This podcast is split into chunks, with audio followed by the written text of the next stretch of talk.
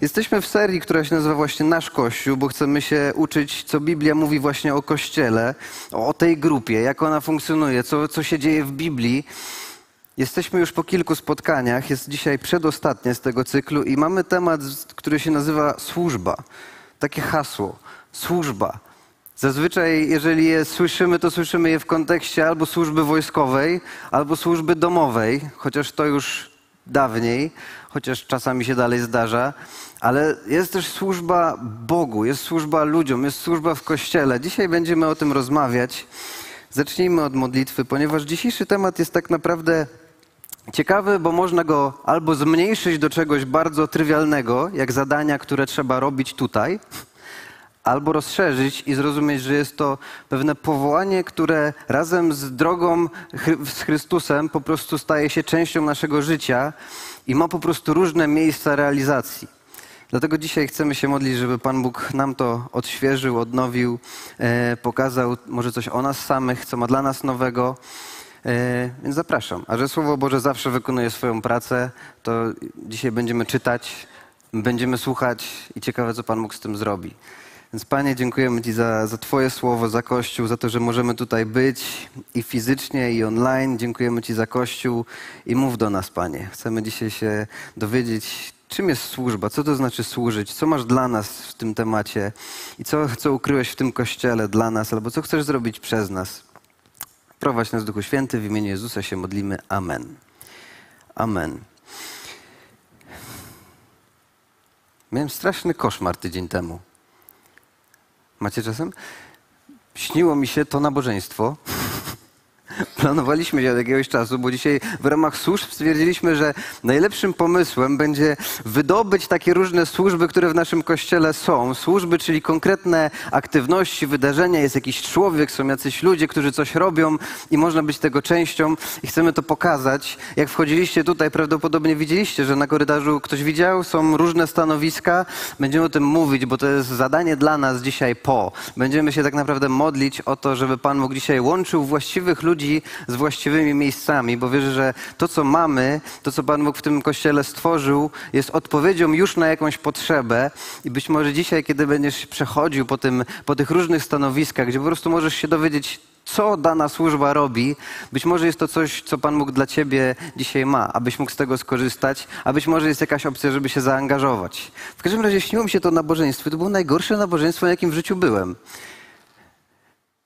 Zapomnieliśmy ogarnąć stołów, w ogóle stoły. Stoły to będzie temat y, w ogóle pierwszego fragmentu, jaki będziemy czytać. Jest, fragment, jest też tematem dzisiejszego y, dodatkowego y, elementu w kawiarence, bo trzeba było je zorganizować. Myśleliśmy, że nam się nie udało. W ogóle polegliśmy na etapie stołów.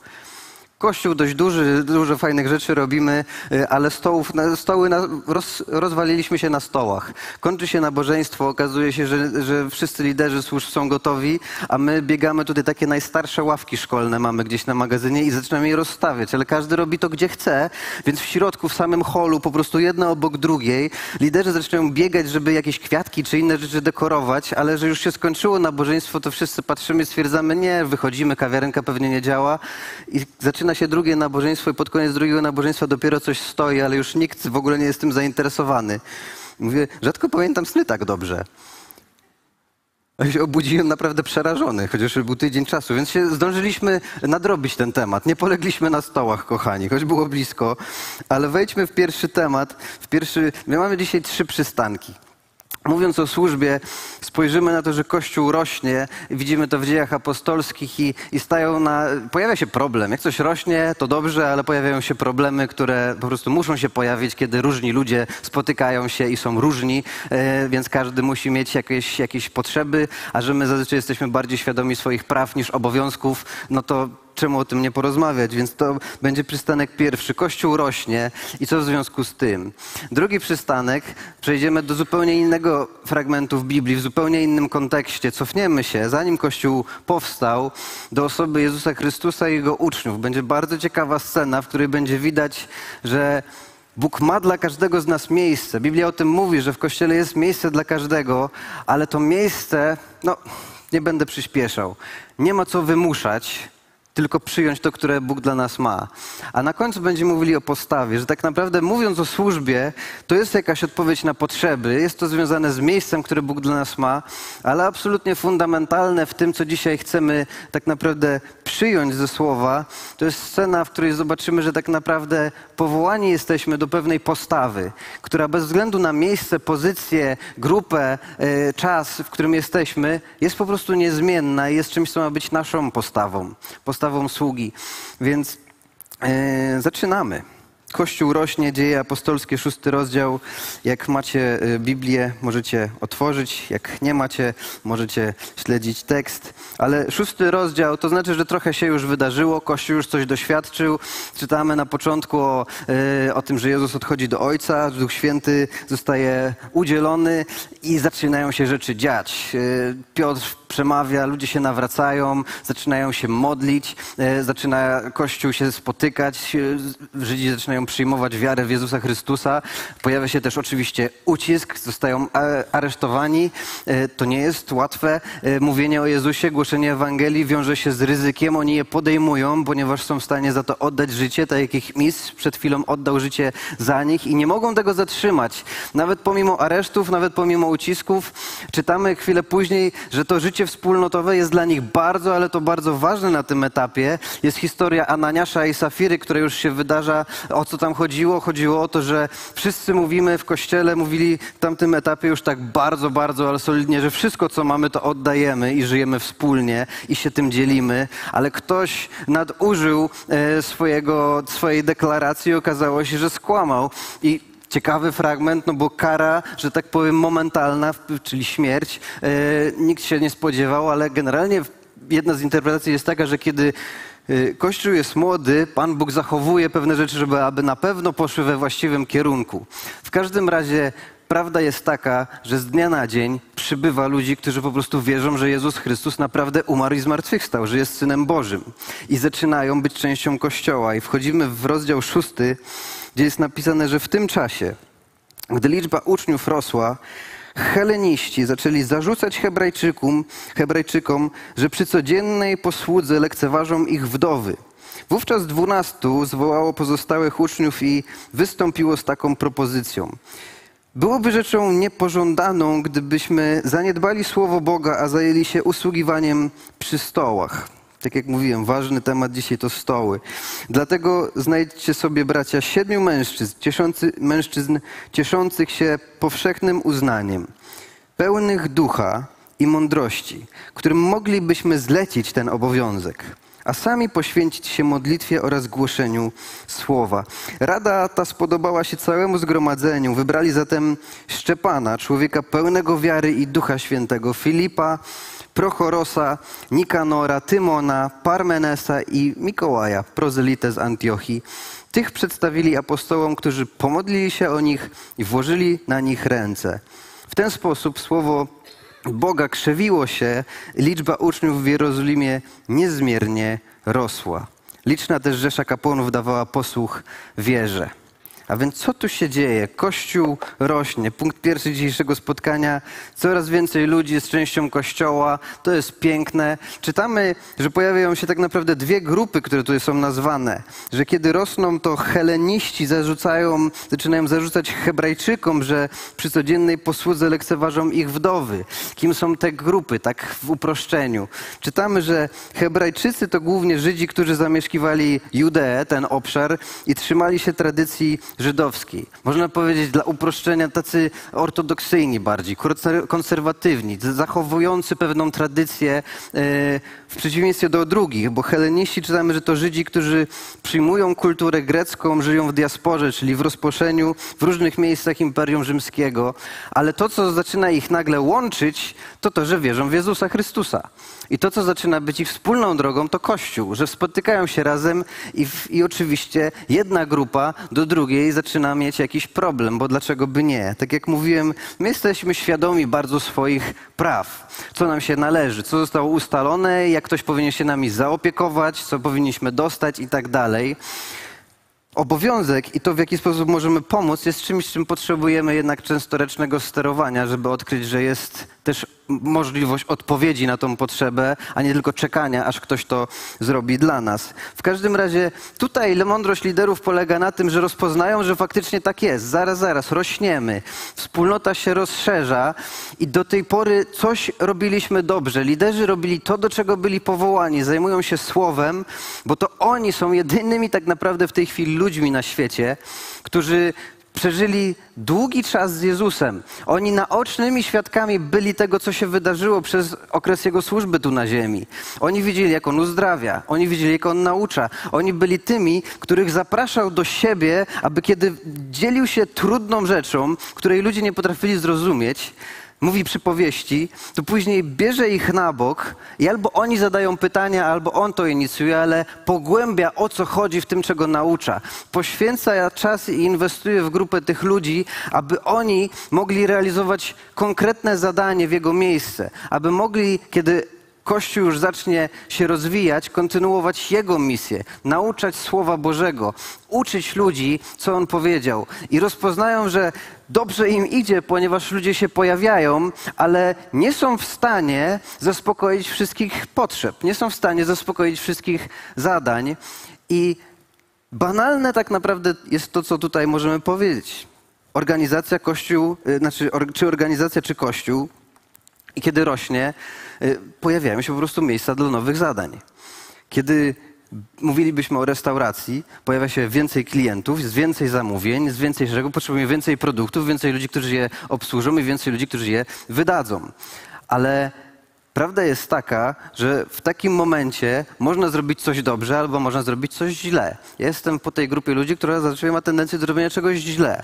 Ponieważ jeżeli Pan Bóg postawił apostołów na konkretnym szczeblu i mają robić konkretne zadanie, i robią je dobrze, i w trakcie okazuje się, że odkrywa się zupełnie nowy poziom zadań, to można zrobić coś złego. Mianowicie można stwierdzić, o jest zadanie, ja mogę na nie odpowiedzieć, więc zejdę do tego poziomu i teraz będę robił to, co jest potrzebne, a może dalej zejdę jeszcze do następnego poziomu i będę robił to, co tu jest potrzebne, aby odkryć, że później jest jeszcze inny poziom i będę robił to, co tutaj jest potrzebne. I chociaż będę robił cały czas coś dobrego, cały czas będę odpowiadał na realną potrzebę, to zrobię jednocześnie coś bardzo złego, ponieważ zostałem powołany, aby stać w tym miejscu i odpowiadać na potrzebę z tej pozycji, ponieważ w tej chwili nikt tej pozycji nie może zająć ponieważ apostołowie są powołani do tego, aby nauczać, aby głosić. I dlatego, że oni to robią, to Kościół rośnie. Więc kiedy pojawia się pretensja, że halo, halo, zajmijcie się też nami, nie dajecie nam wystarczająco dużej uwagi, to oni rozpoznają, że nie mogą puścić tego miejsca, muszą powołać nowych ludzi. Kościół rośnie, jest miejsce dla służby dla nowych ludzi. Chociaż do tej pory tego nie było, w tej chwili to powołanie musi w jakiś sposób się y, wydarzyć. A więc po prostu powołują, czytamy, jest to powołanie diakonów. Powołują po prostu ludzi do konkretnych potrzeb w kościele, aby każdy mógł zająć swoje miejsce. Punkt drugi brzmi właśnie, że w kościele moje miejsce w kościele. Każdy ma swoje miejsce w kościele. I kiedy każdy je zajmuje, to tak jak czytamy, w ten sposób Słowo Boga krzewiło się i liczna grupa uczniów w Jerozolimie niezmiernie rosła. Liczna też rzesza kapłanów dawała posłów w wierze. A więc chociaż bywa czasem taka pokusa, aby ktoś y, robił wszystko, jeżeli zachowamy Boży porządek i będziemy powołali nowych ludzi do nowych rzeczy i zajmowali kolejne stanowiska i kolejne miejsca, taki sposób, w jaki Pan Bóg powołuje i odsłania nowe potrzeby, to coś będzie szło w właściwym kierunku. I ryzykiem dla nas jest czasem, aby wpaść w tą stronę. Dlatego moje miejsce w kościele, czy znasz swoje miejsce w kościele, czy znasz swoje miejsce w służbie. I teraz pauza, ponieważ możemy właśnie, tak jak mówiłem, umniejszyć całe to nauczanie do kościoła. Ja z premedytacją używam nazwy Kościół, ponieważ Zaczęliśmy od tego, że mówimy, że Kościół to jest grupa ludzi powołanych do tego, aby oddziaływać na wszelkie sfery życia. Przeróżnego. Więc w tej chwili możemy wpaść w pułapkę i myśleć o służbie jako jakimś konkretnym zadaniu, które wykonuje w społeczności chrześcijańskiej północ, chociaż ten wymiar też istnieje, albo możemy przyjąć, e, że jestem postawiony tam, gdzie jestem postawiony, aby służyć z tego miejsca Jaką masz pracę? Jaką masz rodzinę? Co wypełnia tak naprawdę Twój kalendarz? Tam, gdzie Pan Bóg Cię postawił, postawił Cię do konkretnego miejsca służby. I są może zadania, które możesz też realizować w kościele, ponieważ odkrywamy, że jest jakaś potrzeba i tak jak chłopaki zostają nagle powołani, aby zajmować się pewnymi zadaniami przy stołach, żeby Kościół mógł iść dalej, odpowiadają na tą potrzebę. Jest też wymiar naszego życia. Jest też postawienie w miejscu, w którym jesteśmy, aby oddziaływać na innych i służyć innym, tam gdzie jesteśmy. A więc miejsce w kościele to nie do końca tylko miejsce w strukturze konkretnej wspólnoty, ale zajęcie tego miejsca, takiego wyposażenia, takiego obdarowania, jakie mam, aby służyć tam, gdzie jestem. Ale w Kościele też ma to swój wymiar. Dlatego czytamy w Efezjan w czwartym rozdziale 11-12. On też Uczynił jednych apostołami, drugich prorokami, innych ewangelistami, jeszcze innych duszpasterzami i nauczycielami. Uczynił to po to, by wyposażać świętych do spełnienia właściwych im zadań, do budowania ciała Chrystusa. A więc w Bożym planie On powołuje różnych ludzi, którzy są po prostu, ktoś ma coś, czego nie ma inna osoba. Kiedy spotkasz się ze mną, możesz ode mnie coś dostać, ale jest też cała masa rzeczy, których ode mnie nigdy nie dostaniesz. Dlatego Pan powołuje innych ludzi, aby móc oddziaływać na ludzi, którzy tworzą wspólnotę, aby mogli wzrastać, aby mogli iść w górę i co robić ostatecznie? Zająć swoje miejsce, do być, spełniać właściwe im zadania, które sprawiają, że jest budowane ciało Chrystusa. Co to znaczy, że jest budowane ciało Chrystusa? To znaczy, że z jednej strony mogą pojawiać się nowi, z drugiej strony ci nowi mogą być zaopiekowani, z drugiej strony możemy y, pomagać im wzrastać. Jest cała masa rzeczy, którą możemy robić. Ale czytamy, że kiedy mówimy o tym miejscu i gdybym chciał się dzisiaj modlić, Panie Boże, czy jestem na właściwym miejscu? Albo gdybym chciał sobie zadać pytanie, gdzie ja chciałbym być za pięć lat? Jakie miejsce w służbie Bóg ma dla mnie? Jakie miejsce w Kościele? I kiedy zaczynamy poświęcać czas, żeby o tym myśleć, jest bardzo duża szansa, że to, jaką my mamy wizję, że moja wizja mojego miejsca to nie zawsze to samo miejsce, które widzi dla mnie Jezus. Moja wizja mojego miejsca to nie zawsze to samo miejsce, które widzi dla mnie Jezus. I tutaj chciałbym, żebyśmy weszli w Ewangelię Marka i posłuchajcie historii. Historia jest z rozdziału 10, wersety 35-45. I to jest skandal, to co tam się dzieje tak naprawdę. W kontekście uczniów, w kontekście samego zadania tego pytania, ale ta historia objawia co w sercu każdego z nas może być. I tych dwóch chłopaków, którzy tutaj będą zadawali konkretne pytanie Jezusowi, nie są jakimś wielkim wyjątkiem, bo każdy z nas może wpadać w taką pułapkę, myśląc o swoim miejscu, na jakim chcielibyśmy być, które jest dla nas przeznaczone, bo to już dociera do naszej tożsamości. Kim ja jestem? Jaki, jaki mam status, jaką pozycję? Czytamy, że wówczas podeszli do niego, czyli Jezusa, Jakub i Jan, synowie Zebedeusza Zaczyna się rozmowa. Nauczycielu, chcielibyśmy, abyś spełnił pełną, pewną naszą prośbę. A on zapytał, co mam dla was uczynić? Spraw powiedzieli, abyśmy w Twojej chwale siedzieli jeden po, prawej, po Twojej prawej, a drugi po lewej stronie. Takie proste, kto pierwszy, ten lepszy, więc oni zadają to pytanie jako pierwsi z dwunastu. Ja po prawej, mój brat po lewej, jak już będziesz w chwale. Chwilę wcześniej on im opowiadał o tym, że będzie cierpiał ale oni trzymają się wizji przyszłości, w której on jest wywyższonym Mesjaszem, królem i przejmują, a oni razem z nim wypływają w górę. Jezus odpowiedział: Nie wiecie, o co prosicie. Czy możecie pić z kielicha, z którego ja piję, i czy możecie zanurzyć się w chrzcie, w którym mnie zanurzą? Możemy, oświadczyli. Wtedy Jezus powiedział: Kielich, z którego ja piję, będzie waszym udziałem, i chrzest, w którym mnie zanurzą, waszym doświadczeniem. Jednak zapewnienie wam miejsca po mojej prawej lub lewej stronie nie jest moją rzeczą. To mówi sam Jezus. Zapewnienie wam miejsca po mojej prawej lub lewej stronie, pozycja, którą sobie właśnie wymarzyłeś, miejsce, które dla siebie wymyśliłeś, nawet sam Jezus mówi, nie jest moją rzeczą. Otrzymają je ci, dla których zostało ono przygotowane. Jest miejsce, które jest dokładnie przygotowane dla każdego z nas. I chociaż możemy mieć nawet swoją wizję tego miejsca, to Jezus sam mówi, że nawet On w tym nie pomoże, ponieważ ono już jest przygotowane dla odpowiednich osób. Prośba Jakuba i Jana oburzyła pozostałych dziesięciu. No trudno się dziwić. Pastorze Krzysztofie, jak już będziesz kiedyś tam arcybiskupem Polski, ja po prawej, moja żona po lewej, pastor Baczewski po prawej obok mnie. Jeżeli można prosić. Lecz Jezus przywołał ich powiedział: Wiedzcie, że ci, którzy uchodzą za przywódców narodów, podporządkowują je sobie, a ich dostojnicy uciskają je. Nie musimy wielu przykładów szukać, jeżeli sprawdzamy, co się na świecie dzieje. Jak jest władza, ktoś chce coś osiągnąć, to użyje po prostu siły, aby to osiągnąć, bez względu na to, kto tam dalej jest i jak to wpływa na ich życie. Wiedzcie, że ci, którzy uchodzą za przywódców narodów, przepraszam, podporządkowują je sobie, a ich dostojnicy uciskają je, nie tak ma być pośród was.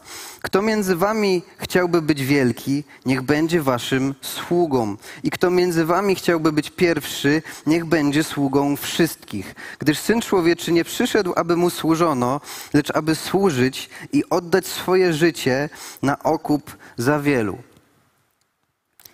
To jest fragment, który sam w sobie niech po prostu zrobi jakąś pracę dzisiaj w naszych sercach. Ponieważ bez względu na to, czy sam myślałem, kto słucha dzisiaj tego kazania? Być może jesteś kimś, kto w swojej pracy dzisiaj stara się bardzo o tą następną pozycję, albo widzisz się gdzieś, a być może masz jakąkolwiek pracę, która nie ma dla ciebie żadnego znaczenia, ale już widzisz się gdzieś tam, jako właściciela nowej firmy, nie wiadomo, może masz marzenia i może nawet one są dobre, ale pytanie tutaj jest, czy my mamy właściwą postawę, kiedy o swoim miejscu w ogóle myślimy, bo ono już dla nas jest. Miejsce służby, miejsce nasze, którym mamy oddziaływać, to, co, jak zostaliśmy skonstruowani, w jakie talenty zostaliśmy wyposażeni, to, co wzrasta, kiedy my wzrastamy i to, co będzie oddziaływało na innych, to miejsce już jest. Bóg już je zna. I nikt, że tak powiem, nie może do tego ani dodać, ani ująć. Jezus mówi po prostu, ono już jest przygotowane. Pytanie, czy nie wpadamy w pułapkę pozycji, ambicji, w pułapkę pychy, w pułapkę próżności, ponieważ to jest coś, w jaki, to, jest, to są kleszcze, w jakich były umysły i serca tych dwóch chłopaków, tych dwóch apostołów. Mieli, byli w pułapce pychy, byli w pułapce ambicji i cała wizja miejsca, w którym mają być, nie miała nic wspólnego ani do serca, z jakim mieliby tam pójść, ani nawet nie miała nic wspólnego z tym, co mieliby tam robić ponieważ wpadli w pułapkę tego, że myślą tylko, jak oni będą się czuli, kiedy już tam będą, jak inni będą ich widzieli, kiedy będą na nich patrzeć. Jezus odwraca nasze myśli zupełnie w drugą stronę. To, co Ewangelia pokazuje jako ten porządek, to jest coś nienormalnego. Tego nie spotykamy zazwyczaj w, naszych, w naszym otoczeniu, w organizacjach, w których pracujemy, nie zawsze nawet w kościele. Im wyżej ktoś jest, tym niżej. Im wyżej, tym niżej. To jest zasada Bożej hierarchii. Im wyżej jesteś, tym niżej.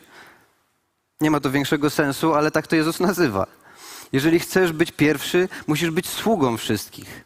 Ci, co będą podlegali po tobie, to jest pierwsza, pierwsza grupa ludzi, do których masz pójść i zapytać jak możesz im pomóc. Tak Jezus to przedstawia. A więc miejsce służby wymaga postawy sługi. I ostatni punkt dzisiaj to jest właśnie postawa sługi. I pytanie, które zadać sobie warto, jest takie, co to w ogóle znaczy dla mnie dzisiaj i czy ja to reprezentuję? Ponieważ przeczytamy teraz dwa fragmenty, jeden z listów i jedną kluczową scenę oczywiście dla całej tej historii, w której Jezus pokazuje, jaka postawa ma nas charakteryzować, kiedy zajmujemy swoje miejsce. Bo możemy być w tym miejscu, że zostajemy w nim, w nim postawieni, ale poza byciem w danym miejscu, wnoszeniem tego, co w nas jest, tego wyposażenia, obdarowania, wiedzy, czegokolwiek, a może po prostu naszych rąk i czasu, jest też postawa, z którą mamy tam pójść. I służba dopiero wtedy przynosi właściwe owoce. List do Filipian pokazuje nam wzór. Drugi rozdział przedstawia Jezusa jako wzór piąty, ósmy werset. Bądźcie względem siebie tacy, jak Chrystus Jezus. On, choć istniał w tej postaci, co Bóg, nie dbał wyłącznie o to, aby być mu równym. Przeciwnie, wyrzekł się siebie, przyjął rolę sługi, a był i był jak inni ludzie. A gdy już stał się człowiekiem, uniżył się tak dalece, że był posłuszny nawet w obliczu śmierci i to śmierci na, na krzyżu. Ten fragment czasami przelatuje nam. Jednym uchem wlatuje, drugim wylatuje, ale zachęcam cię, otwórz go na chwilę sobie w Biblii. Wyświetl go sobie na chwilę. Możemy go zostawić wyświetlonego gdziekolwiek on jest, na chwilę. Filipian, drugi rozdział, pierwsze wersety. Piąty, szósty. Bądźcie względem siebie tacy jak Chrystus Jezus. On choć istniał w tej postaci, co Bóg, nie dbał wyłącznie o to, aby być mu równym. Czy, czy my w ogóle jesteśmy w stanie pojąć? Historia Bożego przeciwnika jest taka, że był syn Jutrzenki najwyżej wyniesioną po prostu postacią stworzoną e, wśród nie, wszy- wszystkich istot niebiańskich. I był okres, gdzie oddziaływał pięknie. Ale jest taki moment, gdzie wpada w pułapkę pychy, ambicji i myśli sobie, że chce być taki jak Bóg. On chce być na tym miejscu, na tej pozycji, na tym miejscu, co sam Bóg. I to jest historia, która sprawia, że to wszystko się rozsypuje. I my wpadamy dokładnie tą samą pułapkę, bo nasz wzór jest taki, że jest ktoś, kto jest po prostu już tak wysoko, że wyżej się nie da. Jest królem królów, panem panów i był tam, zanim się historia całego tego świata wydarzyła, ale oto król schodzi ze swojego tronu, on się nie upiera, aby być na tej pozycji równy Bogu i nie ma żadnego problemu z tym, żeby zejść i być tutaj wśród nas. Jezus przychodzi do ludzi, po prostu ogołocił się ze wszystkiego, przychodzi i nie ma nic i przyjmuje rolę sługi i służy innym ludziom. I to, co zrobił, miało taką moc, ponieważ on jako najwyższy stał się najniższy, że do dzisiaj jesteśmy w tym miejscu, że czytamy te historie i one dalej muszą odwracać nasze myślenie, bo natura i grawitacja tego świata idą w innym kierunku niż to, co on zrobił. Bo on był wolny od grzechu. Król schodzi z tronu. Jakie są atrybuty króla? Korona, berło, szaty. Ewangelia Jana, 13 rozdział, tutaj będziemy zakończać. Atrybut naszego króla. To jest ścierka, którą pożyczyłem z kawiarenki. Ewangelia Jana, 13 rozdział, czytamy od 12 wersetu. Gdy więc umył im nogi, już to się wydarzyło, ta scena była, Piotr tam oponował, ale w końcu poszło. Jezus robi skandaliczną rzecz, nikt tak nie robi, nikt tego nie robi. Żaden nauczyciel, żaden, żaden, żaden wysoko postawiony człowiek nie zniża się do tego, żeby nagle myć nogi swoim uczniom czy innym ludziom. Gdy umył im nogi, włożył swe szaty, ponownie usiadł i powiedział: Czy rozumiecie, co wam uczyniłem? I to jest pytanie do nas. Czy my rozumiemy, co Jezus zrobił? Jaką postawę dla nas prezentuje? Czy my rozumiemy, w jakiej postawie mamy chodzić, z której nie jesteśmy zwolnieni? Wy zwracacie się do mnie, nauczycielu i panie, i słusznie czynicie, bo nim jestem. Jezus nie ma problemu z poczuciem własnej wartości i on nie schodzi do niższego poziomu, bo nagle się czuje, e, że ktoś jest tutaj przyszedł, wielki pan i on e, się uniża. To nie jest tego typu e, sytuacja. On wie dokładnie, kim jest wie dokładnie, co robi. Jeśli zatem ja, Pan i nauczyciel, umyłem wam nogi, wy również powinniście sobie nawzajem to czynić. Dałem wam bowiem przykład, abyście jej wyczynili tak, jak ja wam uczyniłem. Ręczę i zapewniam, sługa nie jest większy od swojego Pana, ani poseł od tego, który go posyła. Skoro już o tym wiecie, jesteście szczęśliwi, o ile będziecie tak postępować. Powołanie dla każdego z nas to jest najprościej mówiąc stoły i ścierka punkt wyjściowy naszej postawy, punkt wyjściowy tego, do jakich zadań jesteśmy zaproszeni bez względu na nasz status, nie wiadomo co, jest status, jaki Jezus zaprezentował. Zapraszam Was, kochani, abyście brali ściery. Kościół jest powołany do pięknej służby, zupełnie absurdalnej, nienobilitującej, zniżającej się do poziomu, e, którego być może nie chcielibyśmy się zniżyć, ale skoro Jezus Chrystus zostawia koronę i berło i bierze ścierkę, to znaczy, że nie ma takich zadań i nie ma takich miejsc, do których my wielcy dzisiaj nie dalibyśmy rady się zniżyć. Dzisiaj w Kościele mówimy o służbie i z jednej strony jest to miejsce, w którym można skorzystać z czegoś. I gdzie tu jest postawa uniżenia sługi? A no właśnie w tym powiedzeniu potrzebuję. Potrzebuję. Mamy służbę małżeństw, mają swoje stanowisko, są warsztaty, z kurstańca jest masa rzeczy, alma, ale często nie, barierą do tego, żeby skorzystać jest to, że przyznać, że my jako małżeństwo potrzebujemy. Nie dlatego być może nawet, że jesteśmy w wielkim kryzysie, ale dlatego, że nie jesteśmy najlepszym małżeństwem, jakie Pan Bóg dla nas zaplanował. Można wejść wyżej, potrzebuje z tego skorzystać. To jest postawa, która jest postawą uniżenia, aby przyjąć. W dziejach apostolskich czytaliśmy o tych wdowach. One potrzebowałyby, ktoś odpowiedział na ich potrzebę. Mamy 17 służb wystawionych, które są odpowiedzią na czyjąś potrzebę. Zaraz będziemy y, wychodzić z tej sali. Możemy je wyświetlić. Od wyjścia z naszej sali jest, y, są stanowiska, jest rozpiska, ale generalnie między filarami przy wyjściu jest stanowisko zaangażuj się, jeżeli chciałbyś w jakikolwiek sposób zaangażować się w kościół, w nowy. Mamy formularz, w którym przekierowujemy, później będziemy szukali ludzi do różnych zadań. Być może to jest mała rzecz, którą możesz zrobić, ale chcesz po prostu dzisiaj dać znać, chcę służyć w kościele. Jak, na jaką potrzebę mogę odpowiedzieć? My będziemy się starać połączyć Ciebie z tą potrzebą. Ale mamy również 17 odpowiedzi na przeróżne potrzeby i być może dzisiaj jest taki moment, My się modliliśmy z liderami. Dwa tygodnie temu mieliśmy spotkanie i modliliśmy się tak.